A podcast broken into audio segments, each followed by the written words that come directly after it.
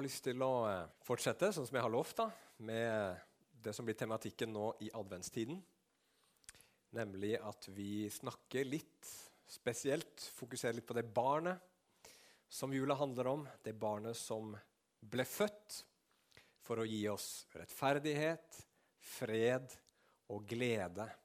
Sånn som vi sist gang så, det står om i Jesaja kapittel 9 og som vi også finner i Romerbrevet 14, vers 17. For Guds rike består ikke i mat og drikke, men i rettferdighet, fred og glede i Den hellige ånd. Og Sist gang så prata vi om rettferdighet. Det er to uker siden nå. Det var en veldig fin julefest i mellomtiden. Takk til alle som var med og bidra til den flotte festen som det ble. det var fullt. Så takk til de som ikke kom òg. Nei da.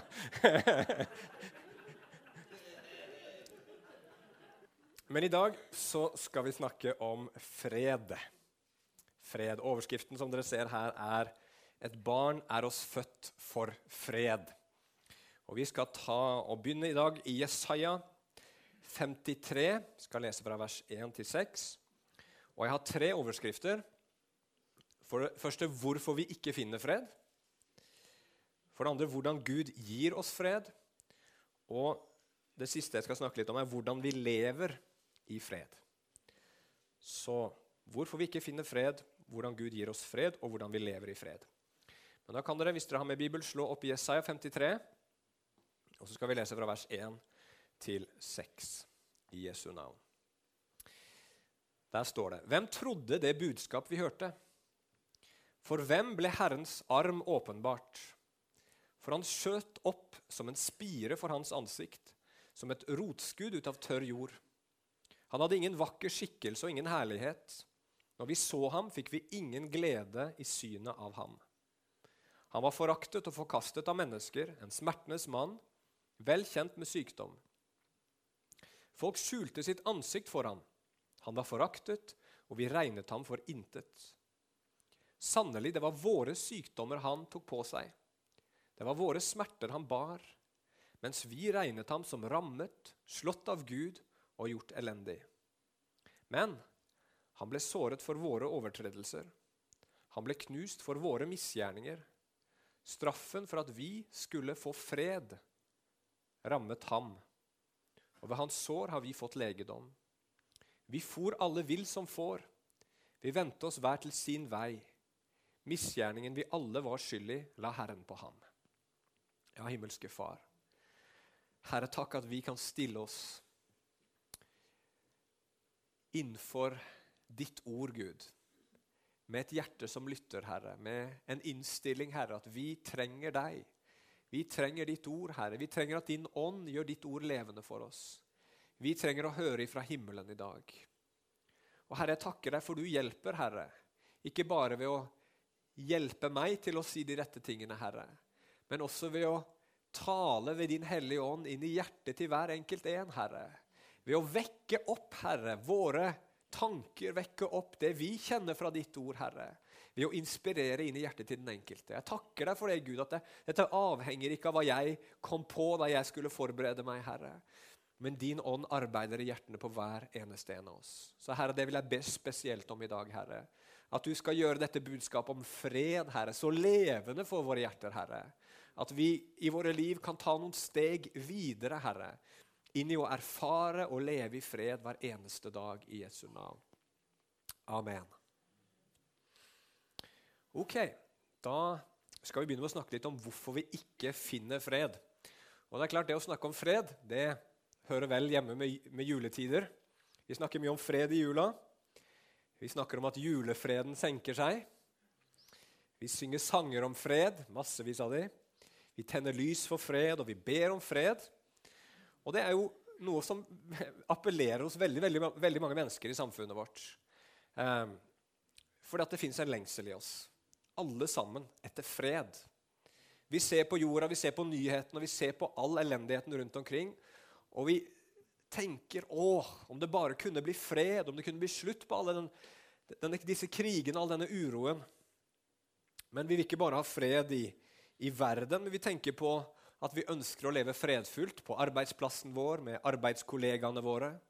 Det er ikke alltid det er fred i nabolaget heller. Men der ønsker vi gjerne at det skulle være fred. I lokalsamfunnet vårt, i familien, barn og foreldre, eh, søsken imellom, ektefellen imellom, ikke minst. Og så ønsker vi alle mennesker vi ønsker fred i hjertene våre. Fred på innsiden. Og Hvis du tar et uh, lite sånn internettsøk, uh, det gjorde jeg, 'Hvordan finne fred', så kommer det ganske mange resultater. Og man tilbyr det ene og det andre uh, for å kurere vår rastløshet og vår utilfredshet, som vi kjenner på ofte, vår frykt og vår bekymring, vårt sinne og vår frustrasjon. Alle sammen vet hva dette her er. Det bobler straks til overflaten. Og så kan du lære av gamle samuraier, fant jeg. Du kan gå til psykolog. Du kan få en annen coach som skal hjelpe deg til å finne fred i livet ditt. Du kan lære deg sinnemestring. Bite tenna sammen og telle til ti. Sikkert i litt mer avansert versjon. da. Du kan drive med meditasjon, du kan få piller av legen. Eh, og så sier man at problemet jo, problemet er den livsstilen vi har, livsrytmen vi har. Problemet er andre mennesker, problemet er kjemien i hjernen din. Problemet er at du mangler selvdisiplin. Eller som Buddha sa, at du begjærer for mange ting. Du vil for mye med livet ditt. Hvis du bare slutter å ville ting, så skal du se du får fred. Men uansett, midt oppi alt dette her, alle disse søkene, alle disse tingene som, som, på en måte skal gi oss fred, så finner vi ikke fred. Verken i hjertene våre eller i våre mellommenneskelige relasjoner. Og hvorfor ikke? Hvorfor finner vi ikke fred? Når alle sammen så gjerne vil ha det, og vi har så mange teknikker og metoder. Vel, Hvis vi går til Bibelen, så finner vi ordet fred veldig ofte i Bibelen. Og I Det gamle testamentet så er det et spesielt ord som brukes for fred, som sikkert mange her inne har hørt. Det er ordet shalom. Og shalom er et ord som har en rik betydning i Bibelen. Eh, vi tenker veldig ofte at fred er fravær av et eller annet. ikke sant? Fravær av, av uro og, og, problemer. Fravær av visse mennesker som skaper uro i livene våre, kanskje. Fravær av negative tanker og følelser. Men shalom i Bibelen, fred i Bibelen, det er et nærvær av noe. Og nærvær av hva da? Jo, jeg har slått opp i en bibelordbok som forklarer hva dette begrepet shalom betyr. Og shalom, fred, det er et nærvær av helhet i livet og i kroppen. Helse mentalt og fysisk. Fred, det er et nærvær av rett relasjon eller harmoni mellom to parter eller to folk eller to grupper. Shalom det er et nærvær av framgang, suksess og tilfredsstillelse.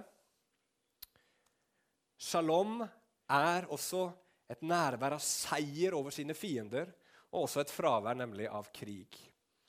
Jeg vet ikke om dette her relaterer så veldig til ditt liv, men la oss bare gjøre det veldig enkelt å si det på den måten her. Fred i Bibelen er fullkommen helse til ånd, til sjel og til kropp. Fred i Bibelen er fullkomne relasjoner. Fred i Bibelen er et fullstendig meningsfylt liv. Og fred i Bibelen er absolutt trygghet. Og det her, det vet vi at mangler i alle menneskers liv. Det mangler i våre liv, og derfor så har vi ikke fred. Vi har ikke fred fordi livet vårt er fulle av ting som ikke fungerer.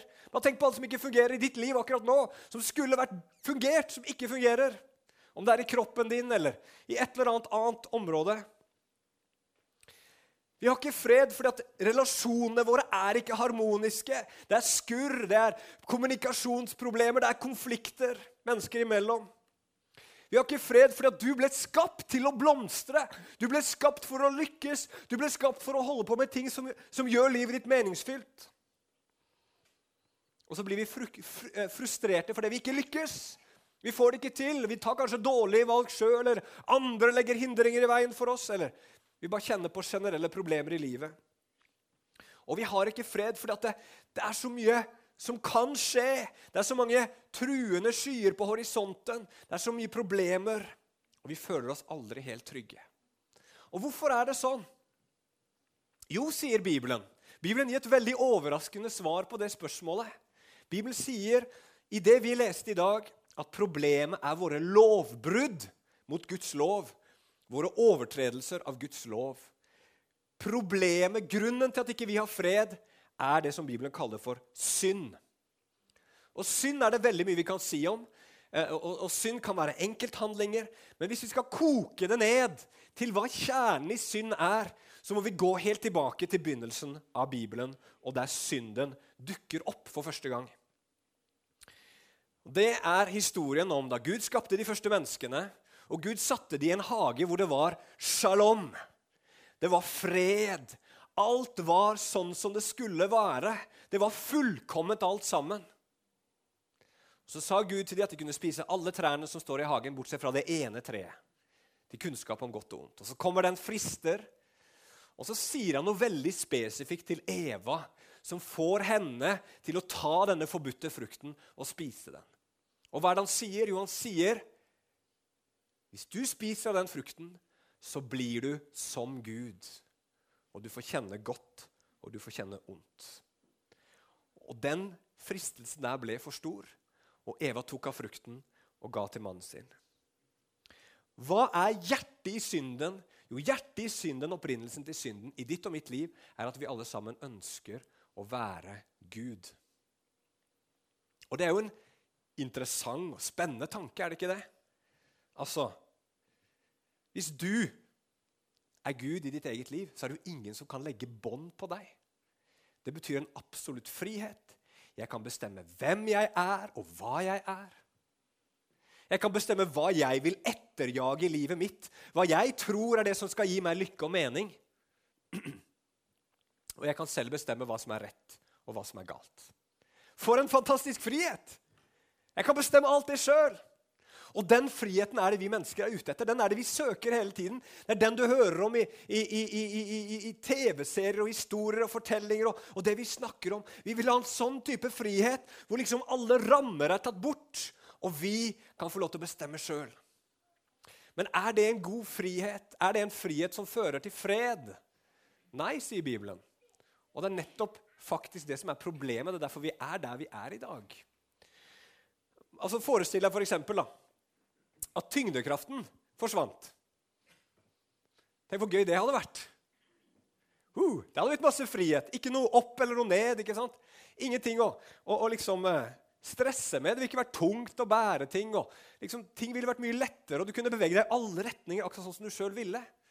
Hadde ikke det vært en fantastisk frihet om tyngdekraften hadde blitt tatt bort? Nei, det hadde jo blitt kaos, så klart.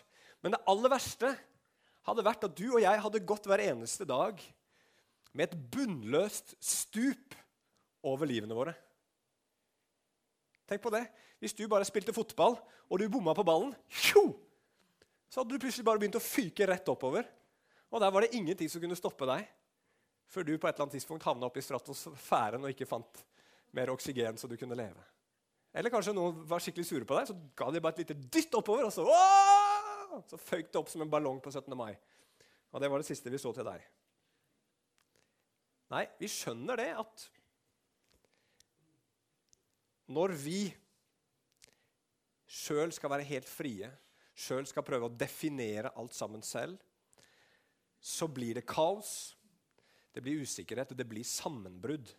I alle mellommenneskelige relasjoner. I familier, i, i, i nasjoner, i, i arbeidsplasser. Overalt. Det gjør, at det blir ikke harmonisk med skaperverket. Vi lever ikke i harmoni med den verden rundt oss. Vi ødelegger, vi utnytter, vi, vi, vi, skader det gode som Gud har gitt oss. Men det største problemet når vi bestemte oss for at vi sjøl ville være Gud, det var at vi ødela relasjonen til Gud sjøl. Og det sier seg litt sjøl. Du kan ikke ha to guder. Du kan ikke ha to sjefer. Det er bare én som kan være sjef, til syvende og sist. Og dermed har vi ødelagt det forholdet. Når vi har ødelagt forholdet til Gud, så er også forholdet til hverandre ødelagt. Det er derfor vi har så mye problemer. Og så er forholdet til alt som Gud har skapt, ødelagt. Og da blir det ikke noe fred. Og Derfor så står det i Bibelen at for de ugudelige så fins det ingen fred. Ingen fred. Du kan sikkert få en midlertidig erfaring av fred. Når du er ute og jogga for eksempel, eller, eller gjort hard fysisk aktivitet, så setter du deg ned og så kjenner du på fred noen minutter, og så går det bort igjen. Du kan kjenne på fred hvis du gjør en eller annen type pusteøvelse eller ditt eller datt, men det blir aldri noe varig fred.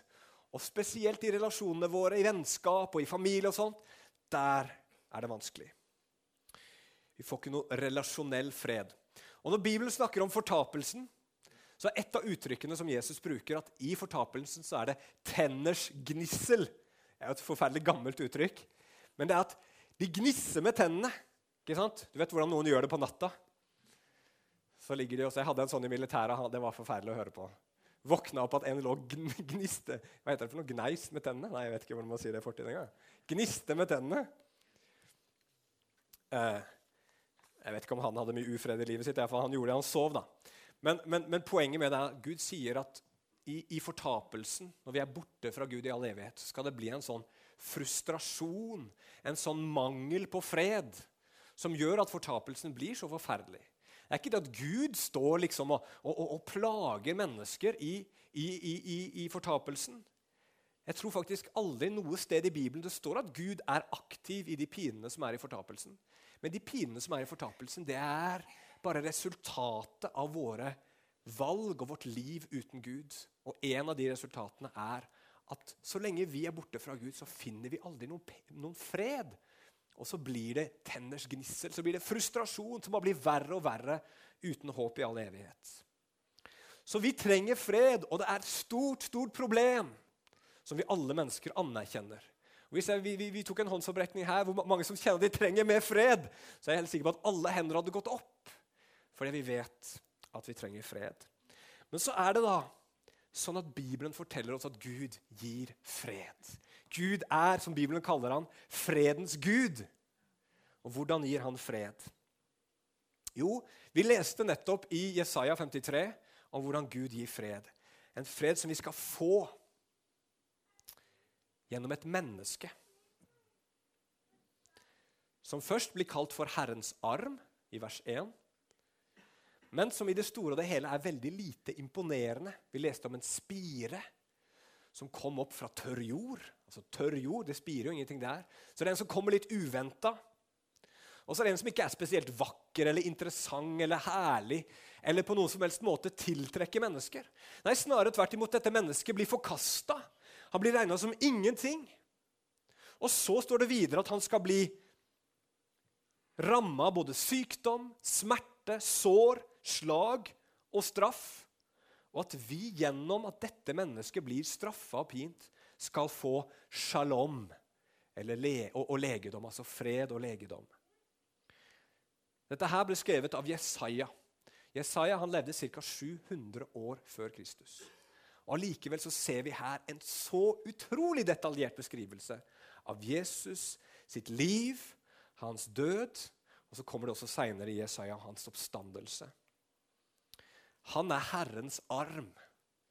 Han er Gud. Han er et spire, han er et menneske.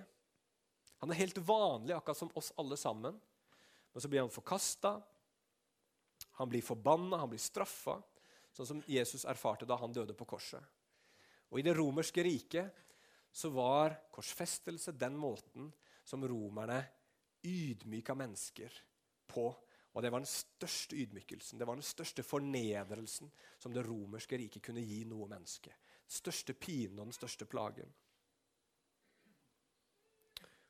Jesus han døde for å gi oss fred. Men så er det store spørsmålet om hvordan da? Hvordan kan det at Jesus dør på et kors, at han blir straffa i vårt sted, Gi oss fred. Hvorfor er det det menneskeheten trenger? Vi har så mange svar på hvordan vi skal få fred i verden, men Bibelen sier nei. Fred, det eneste som kan gi oss fred, det er Jesus, som døde for våre synder på korset. Hvorfor det? Jo, for den eneste måten å finne fred i en relasjon sånn Når du har konflikt med noen, du vet hvordan det er. Det, det, det er vondt, det er stressende, det er tungt. Og så er det noen som har gjort noe galt, noen som har gjort noe som ikke var rett. Og så skal man prøve å gjenopprette den, få harmoni tilbake i den relasjonen. Hva må til da? Jo, det er alltid en pris å betale når en relasjon har blitt vanskelig og uharmonisk. For det første så har urett blitt gjort, ord har blitt sagt, og da må den skyldige part, eller de skyldige, som det som oftest er, må bekjenne. Si 'det var galt'. 'Det der var ikke rett'. 'Her har jeg feila'. Og så må man forsøke å gjøre opp for seg. Hvis jeg stjal et eple fra deg, så må jeg gi det eplet tilbake. Men så er det sånn noen ganger i sånne mellommenneskelige relasjoner, eller kanskje til og med veldig ofte, at det ikke er mulig å gjøre opp for seg. Hvordan gjør du opp for et svik, f.eks.? Hvis du har sveket noen. Hvordan gjør du opp for et dårlig rykte som du står ansvarlig for, som har ødelagt store deler av et menneskes liv? Hvordan gjør du opp for at du gjennom din oppførsel har skapt vanskeligheter og problemer og smerte i et annet menneskes liv, som kanskje har ødelagt både helse, fysisk og psykisk? Det fins så mange måter du og jeg kan gjøre ondt mot andre mennesker på, som vi ikke kan betale tilbake. Og hva må da til for at vi i den relasjonen skal få harmoni igjen? At det skal bli forsoning? Jo, den parten som du eller jeg har gjort noe ondt imot, må tilgi. Men tilgivelse, det er ingenting gratis. Når man tilgir et annet menneske, så er det alltid en pris å betale. For deg.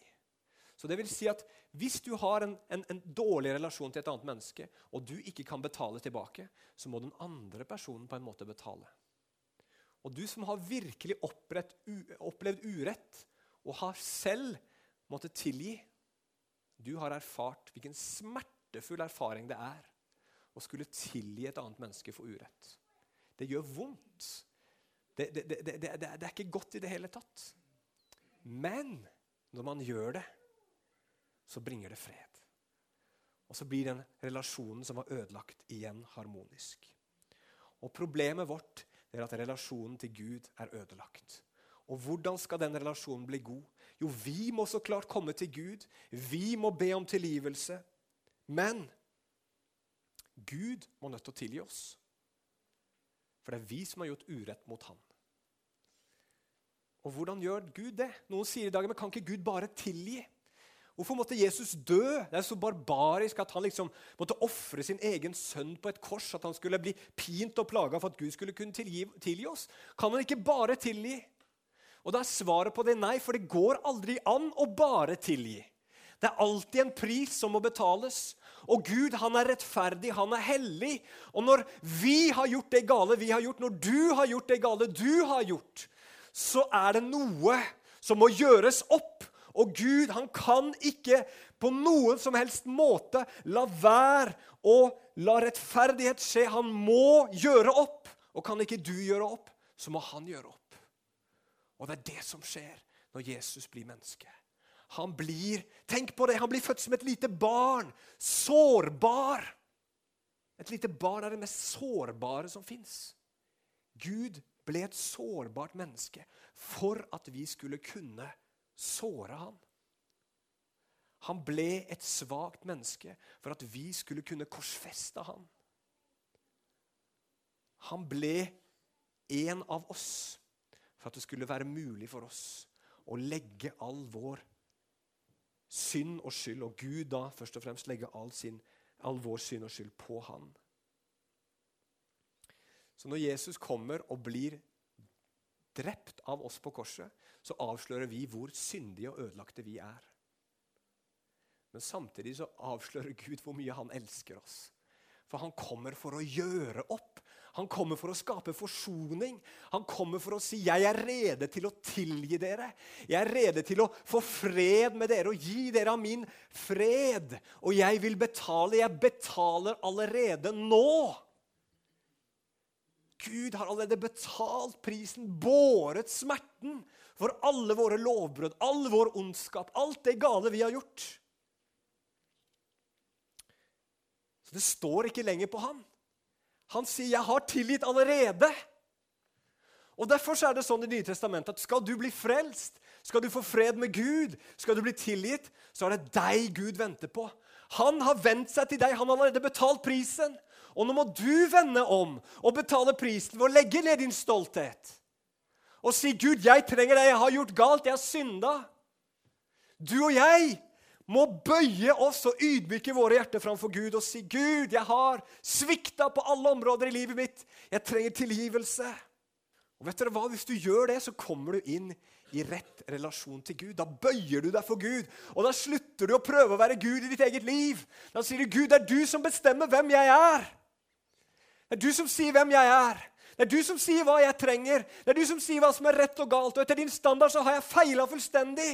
Men jeg tar imot og tror på at du sendte Jesus for å opprette, gjenopprette forholdet med deg. Og så får du Gud inn i livet ditt, og så blir Gud din Gud.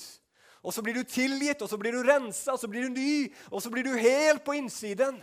Og så finner du sann frihet, og så finner du fred.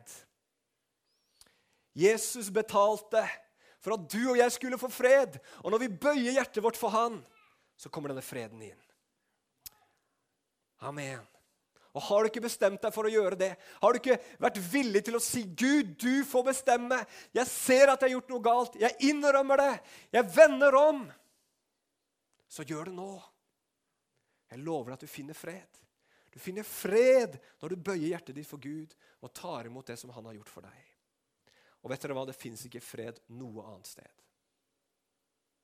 Dette her er utrolig bra. Og dette forteller oss at, at, at det, er, det, er, synden, det er våre dårlige valg, som skaper den uroen.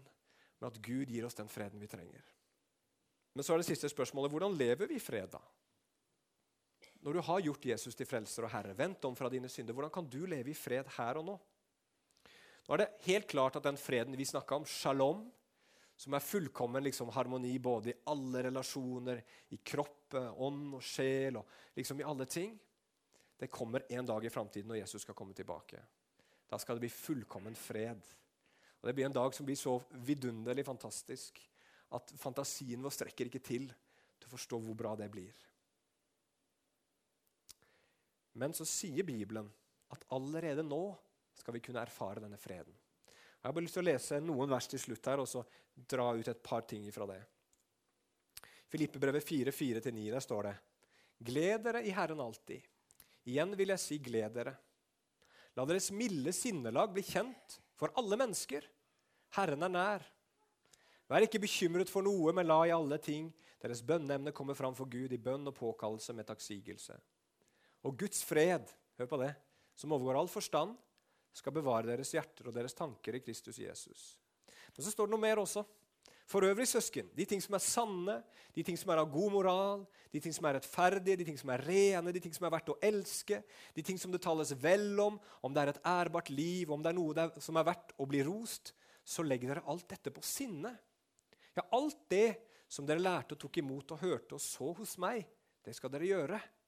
Så står det, og fredens Gud skal være med dere. Her er det mange ting å ta tak i. Dette er praktiske ting som forteller oss litt om hvordan vi også kan få lov å leve i fred. Eh, jeg henta noe av dette her fra en, en eh, forkynner som heter Tim Keller. For det første tenk på de riktige tingene.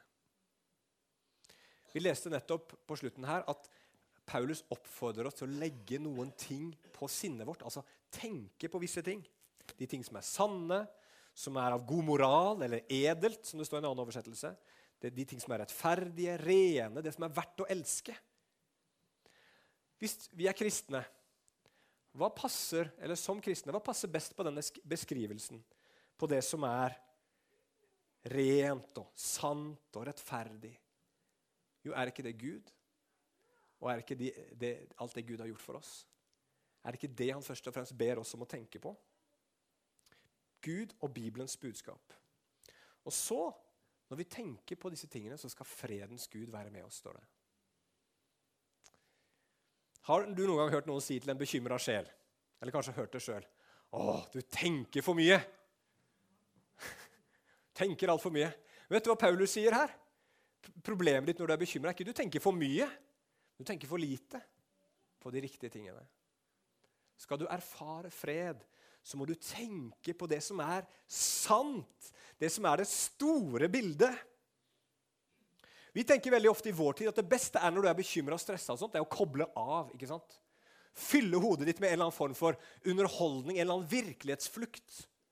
Men hjelper det egentlig? Du kan jo kjenne på at du ikke tenker mer på det som er stress en lille stund. den der underholdninga varer.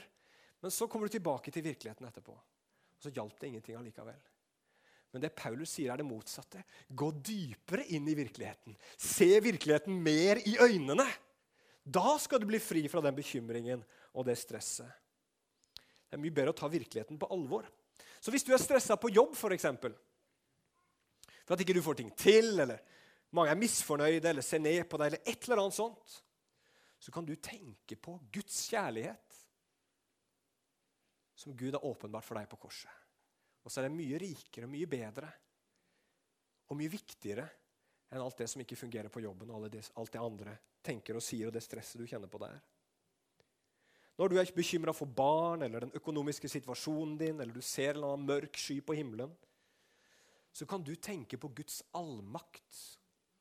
Du kan tenke på hans godhet. Du kan tenke på hans trofasthet. Du kan tenke på at han har kontroll og han har omsorg for deg. Når du kjenner på frustrasjon og, og sinne Det gjør jo selvsagt ingen her, men jeg vet at andre mennesker gjør det. Dere kan fortelle det, det, de, de, det fra meg. Kanskje at det er noen som har gjort noe stygt imot deg, ikke sant? eller det er et eller annet som frustrerer deg. Så kan du tenke på at Gud er alle menneskers dommer. Og En dag så skal rettferdigheten, rettferdigheten seire. Det er frustrerende, det er dumt, det er ikke rett akkurat nå. Men rett og rettferdighet skal seire til slutt. Ikke bare tenk litt på det, men tenk mye på det. Helt til du kommer til vers 4, der hvor det står 'Gled dere i Herren alltid'. Hvordan kan man alltid glede seg i Herren? Jo, ved å tenke på disse sannhetene, ved å leve i dem. Ved å bare løfte dem opp igjen og igjen og igjen. 'Dette er sant, dette er godt, dette her er sannheten om livet mitt.' Så fylles vi med glede. Så kan du be med takk. Her står det rett ut at vi skal ikke være bekymra for noe. Wow! ikke det ganske bra? Hvor mange Heine har bekymra seg før? Nei da, jeg vet at alle kommer til å rekke opp hånda. Men hvordan kan man da beseire bekymringa? Jo, ved å be til Gud med takk, sier Paulus. Hva betyr det? Jo, det betyr at når du og jeg ber, så takker vi Gud samtidig. Ikke nødvendigvis for at han akkurat kommer til å gi deg det du ber om, og ikke takk heller for at Gud skal, liksom, at du takker veldig mye, til slutt gi deg det du ber om. Men takk Gud for at du kan være helt sikker på at han har omsorg for deg. Og at når du ber, så hører Gud din bønn, og han kommer til å gi deg akkurat det du trenger. Han gir oss ikke alltid det vi vil ha, og takk og lov for det. Det hadde blitt mye kaos, det. Men han gir oss alltid det vi trenger. Alltid. Alltid får du av Gud det du trenger. Han er tvers igjennom god. Barn de har veldig ofte fred, har de ikke det? Når liksom familien fungerer ganske bra, og de er små og de er uvitende, så har barn mye fred. Hvorfor det? Jo, for de tror, to, de tror to ting om foreldrene sine. At foreldrene er gode og glad i dem, og så tror de at mamma og pappa kan alt. Derfor blir ikke barn så lett stressa. Ikke sant? For pappa er der, mamma er der, det går bra. Sånn, pappa ordner opp, pappa fikser det, mamma fikser det. Men sånn kan vi faktisk leve som kristne. Fordi vår Gud han er virkelig sånn. Alle barn vokser opp og skjønner at ok, mamma og pappa var kanskje ikke fullt 100% gode i alt. Og de kunne i hvert fall ikke alt. det er helt sikkert. Men vår Gud han er tvers igjennom god, og han kan alt. Derfor så skal vi be med takksigelse, med takk. Si, Gud, Takk at du tar deg av det her. Takk at du ser dette behovet, og du skal gi meg det jeg, det jeg trenger. Og så står det at Guds fred, som overgår all forstand, skal da bevare våre hjerter og våre tanker. Og til slutt her så kan vi få lov til å finne fred gjennom å ha fellesskap med Gud. Så mye av vår rastløshet, eh, vår bekymring, vår frustrasjon, vårt sinne, vårt motløshet, det kommer av dette tomrommet vi føler på innsiden. Vi føler vi ikke har kontroll. Vi føler livet vårt burde vært bedre. Vi føler den dagen her skulle vært annerledes. Vi føler at framtiden vår skulle vært tryggere. Vi skulle hatt en bedre, tryggere jobb. Vi skulle hatt et bedre, bedre familie, bedre ekteskap. Ting skulle vært på en annen måte. Da skulle vi nok hatt denne freden. Og så er det dette tomrommet, denne usikkerheten, denne utryggen, denne frustrasjonen som er på innsiden. Men så sier Bibelen at den eneste som kan fylle dette tomrommet, er Gud selv. Så når Paulus sier 'vær ikke bekymra, men be', Så sier han, 'Vær ikke bekymra, men kom og ha tid og fellesskap med Gud'. La Gud få fylle tomrommet i ditt hjerte. Vær sammen med Han. Bruk tid med Han i stillhet. Å, hvor dårlig vi er på det, mange av oss. Vi fyller livet vårt med så mange andre ting. Vi prioriterer så mange andre ting. For vi tror det skal gjøre oss lykkelige, vi tror det skal gi oss fred, vi tror det skal bli bra for oss. Og så blir vi akkurat de samme etterpå. Men når vi bruker tid med Gud, når vi setter av tid til Han, når vi prioriterer Han, så får vi erfare den freden som overgår all forstand. Og Paulus sier mye mer her, men vi skal stoppe der. Men alt handler om Jesus. Det er han som er vår fred. Og denne freden får vi gjennom det som han har gjort. Amen.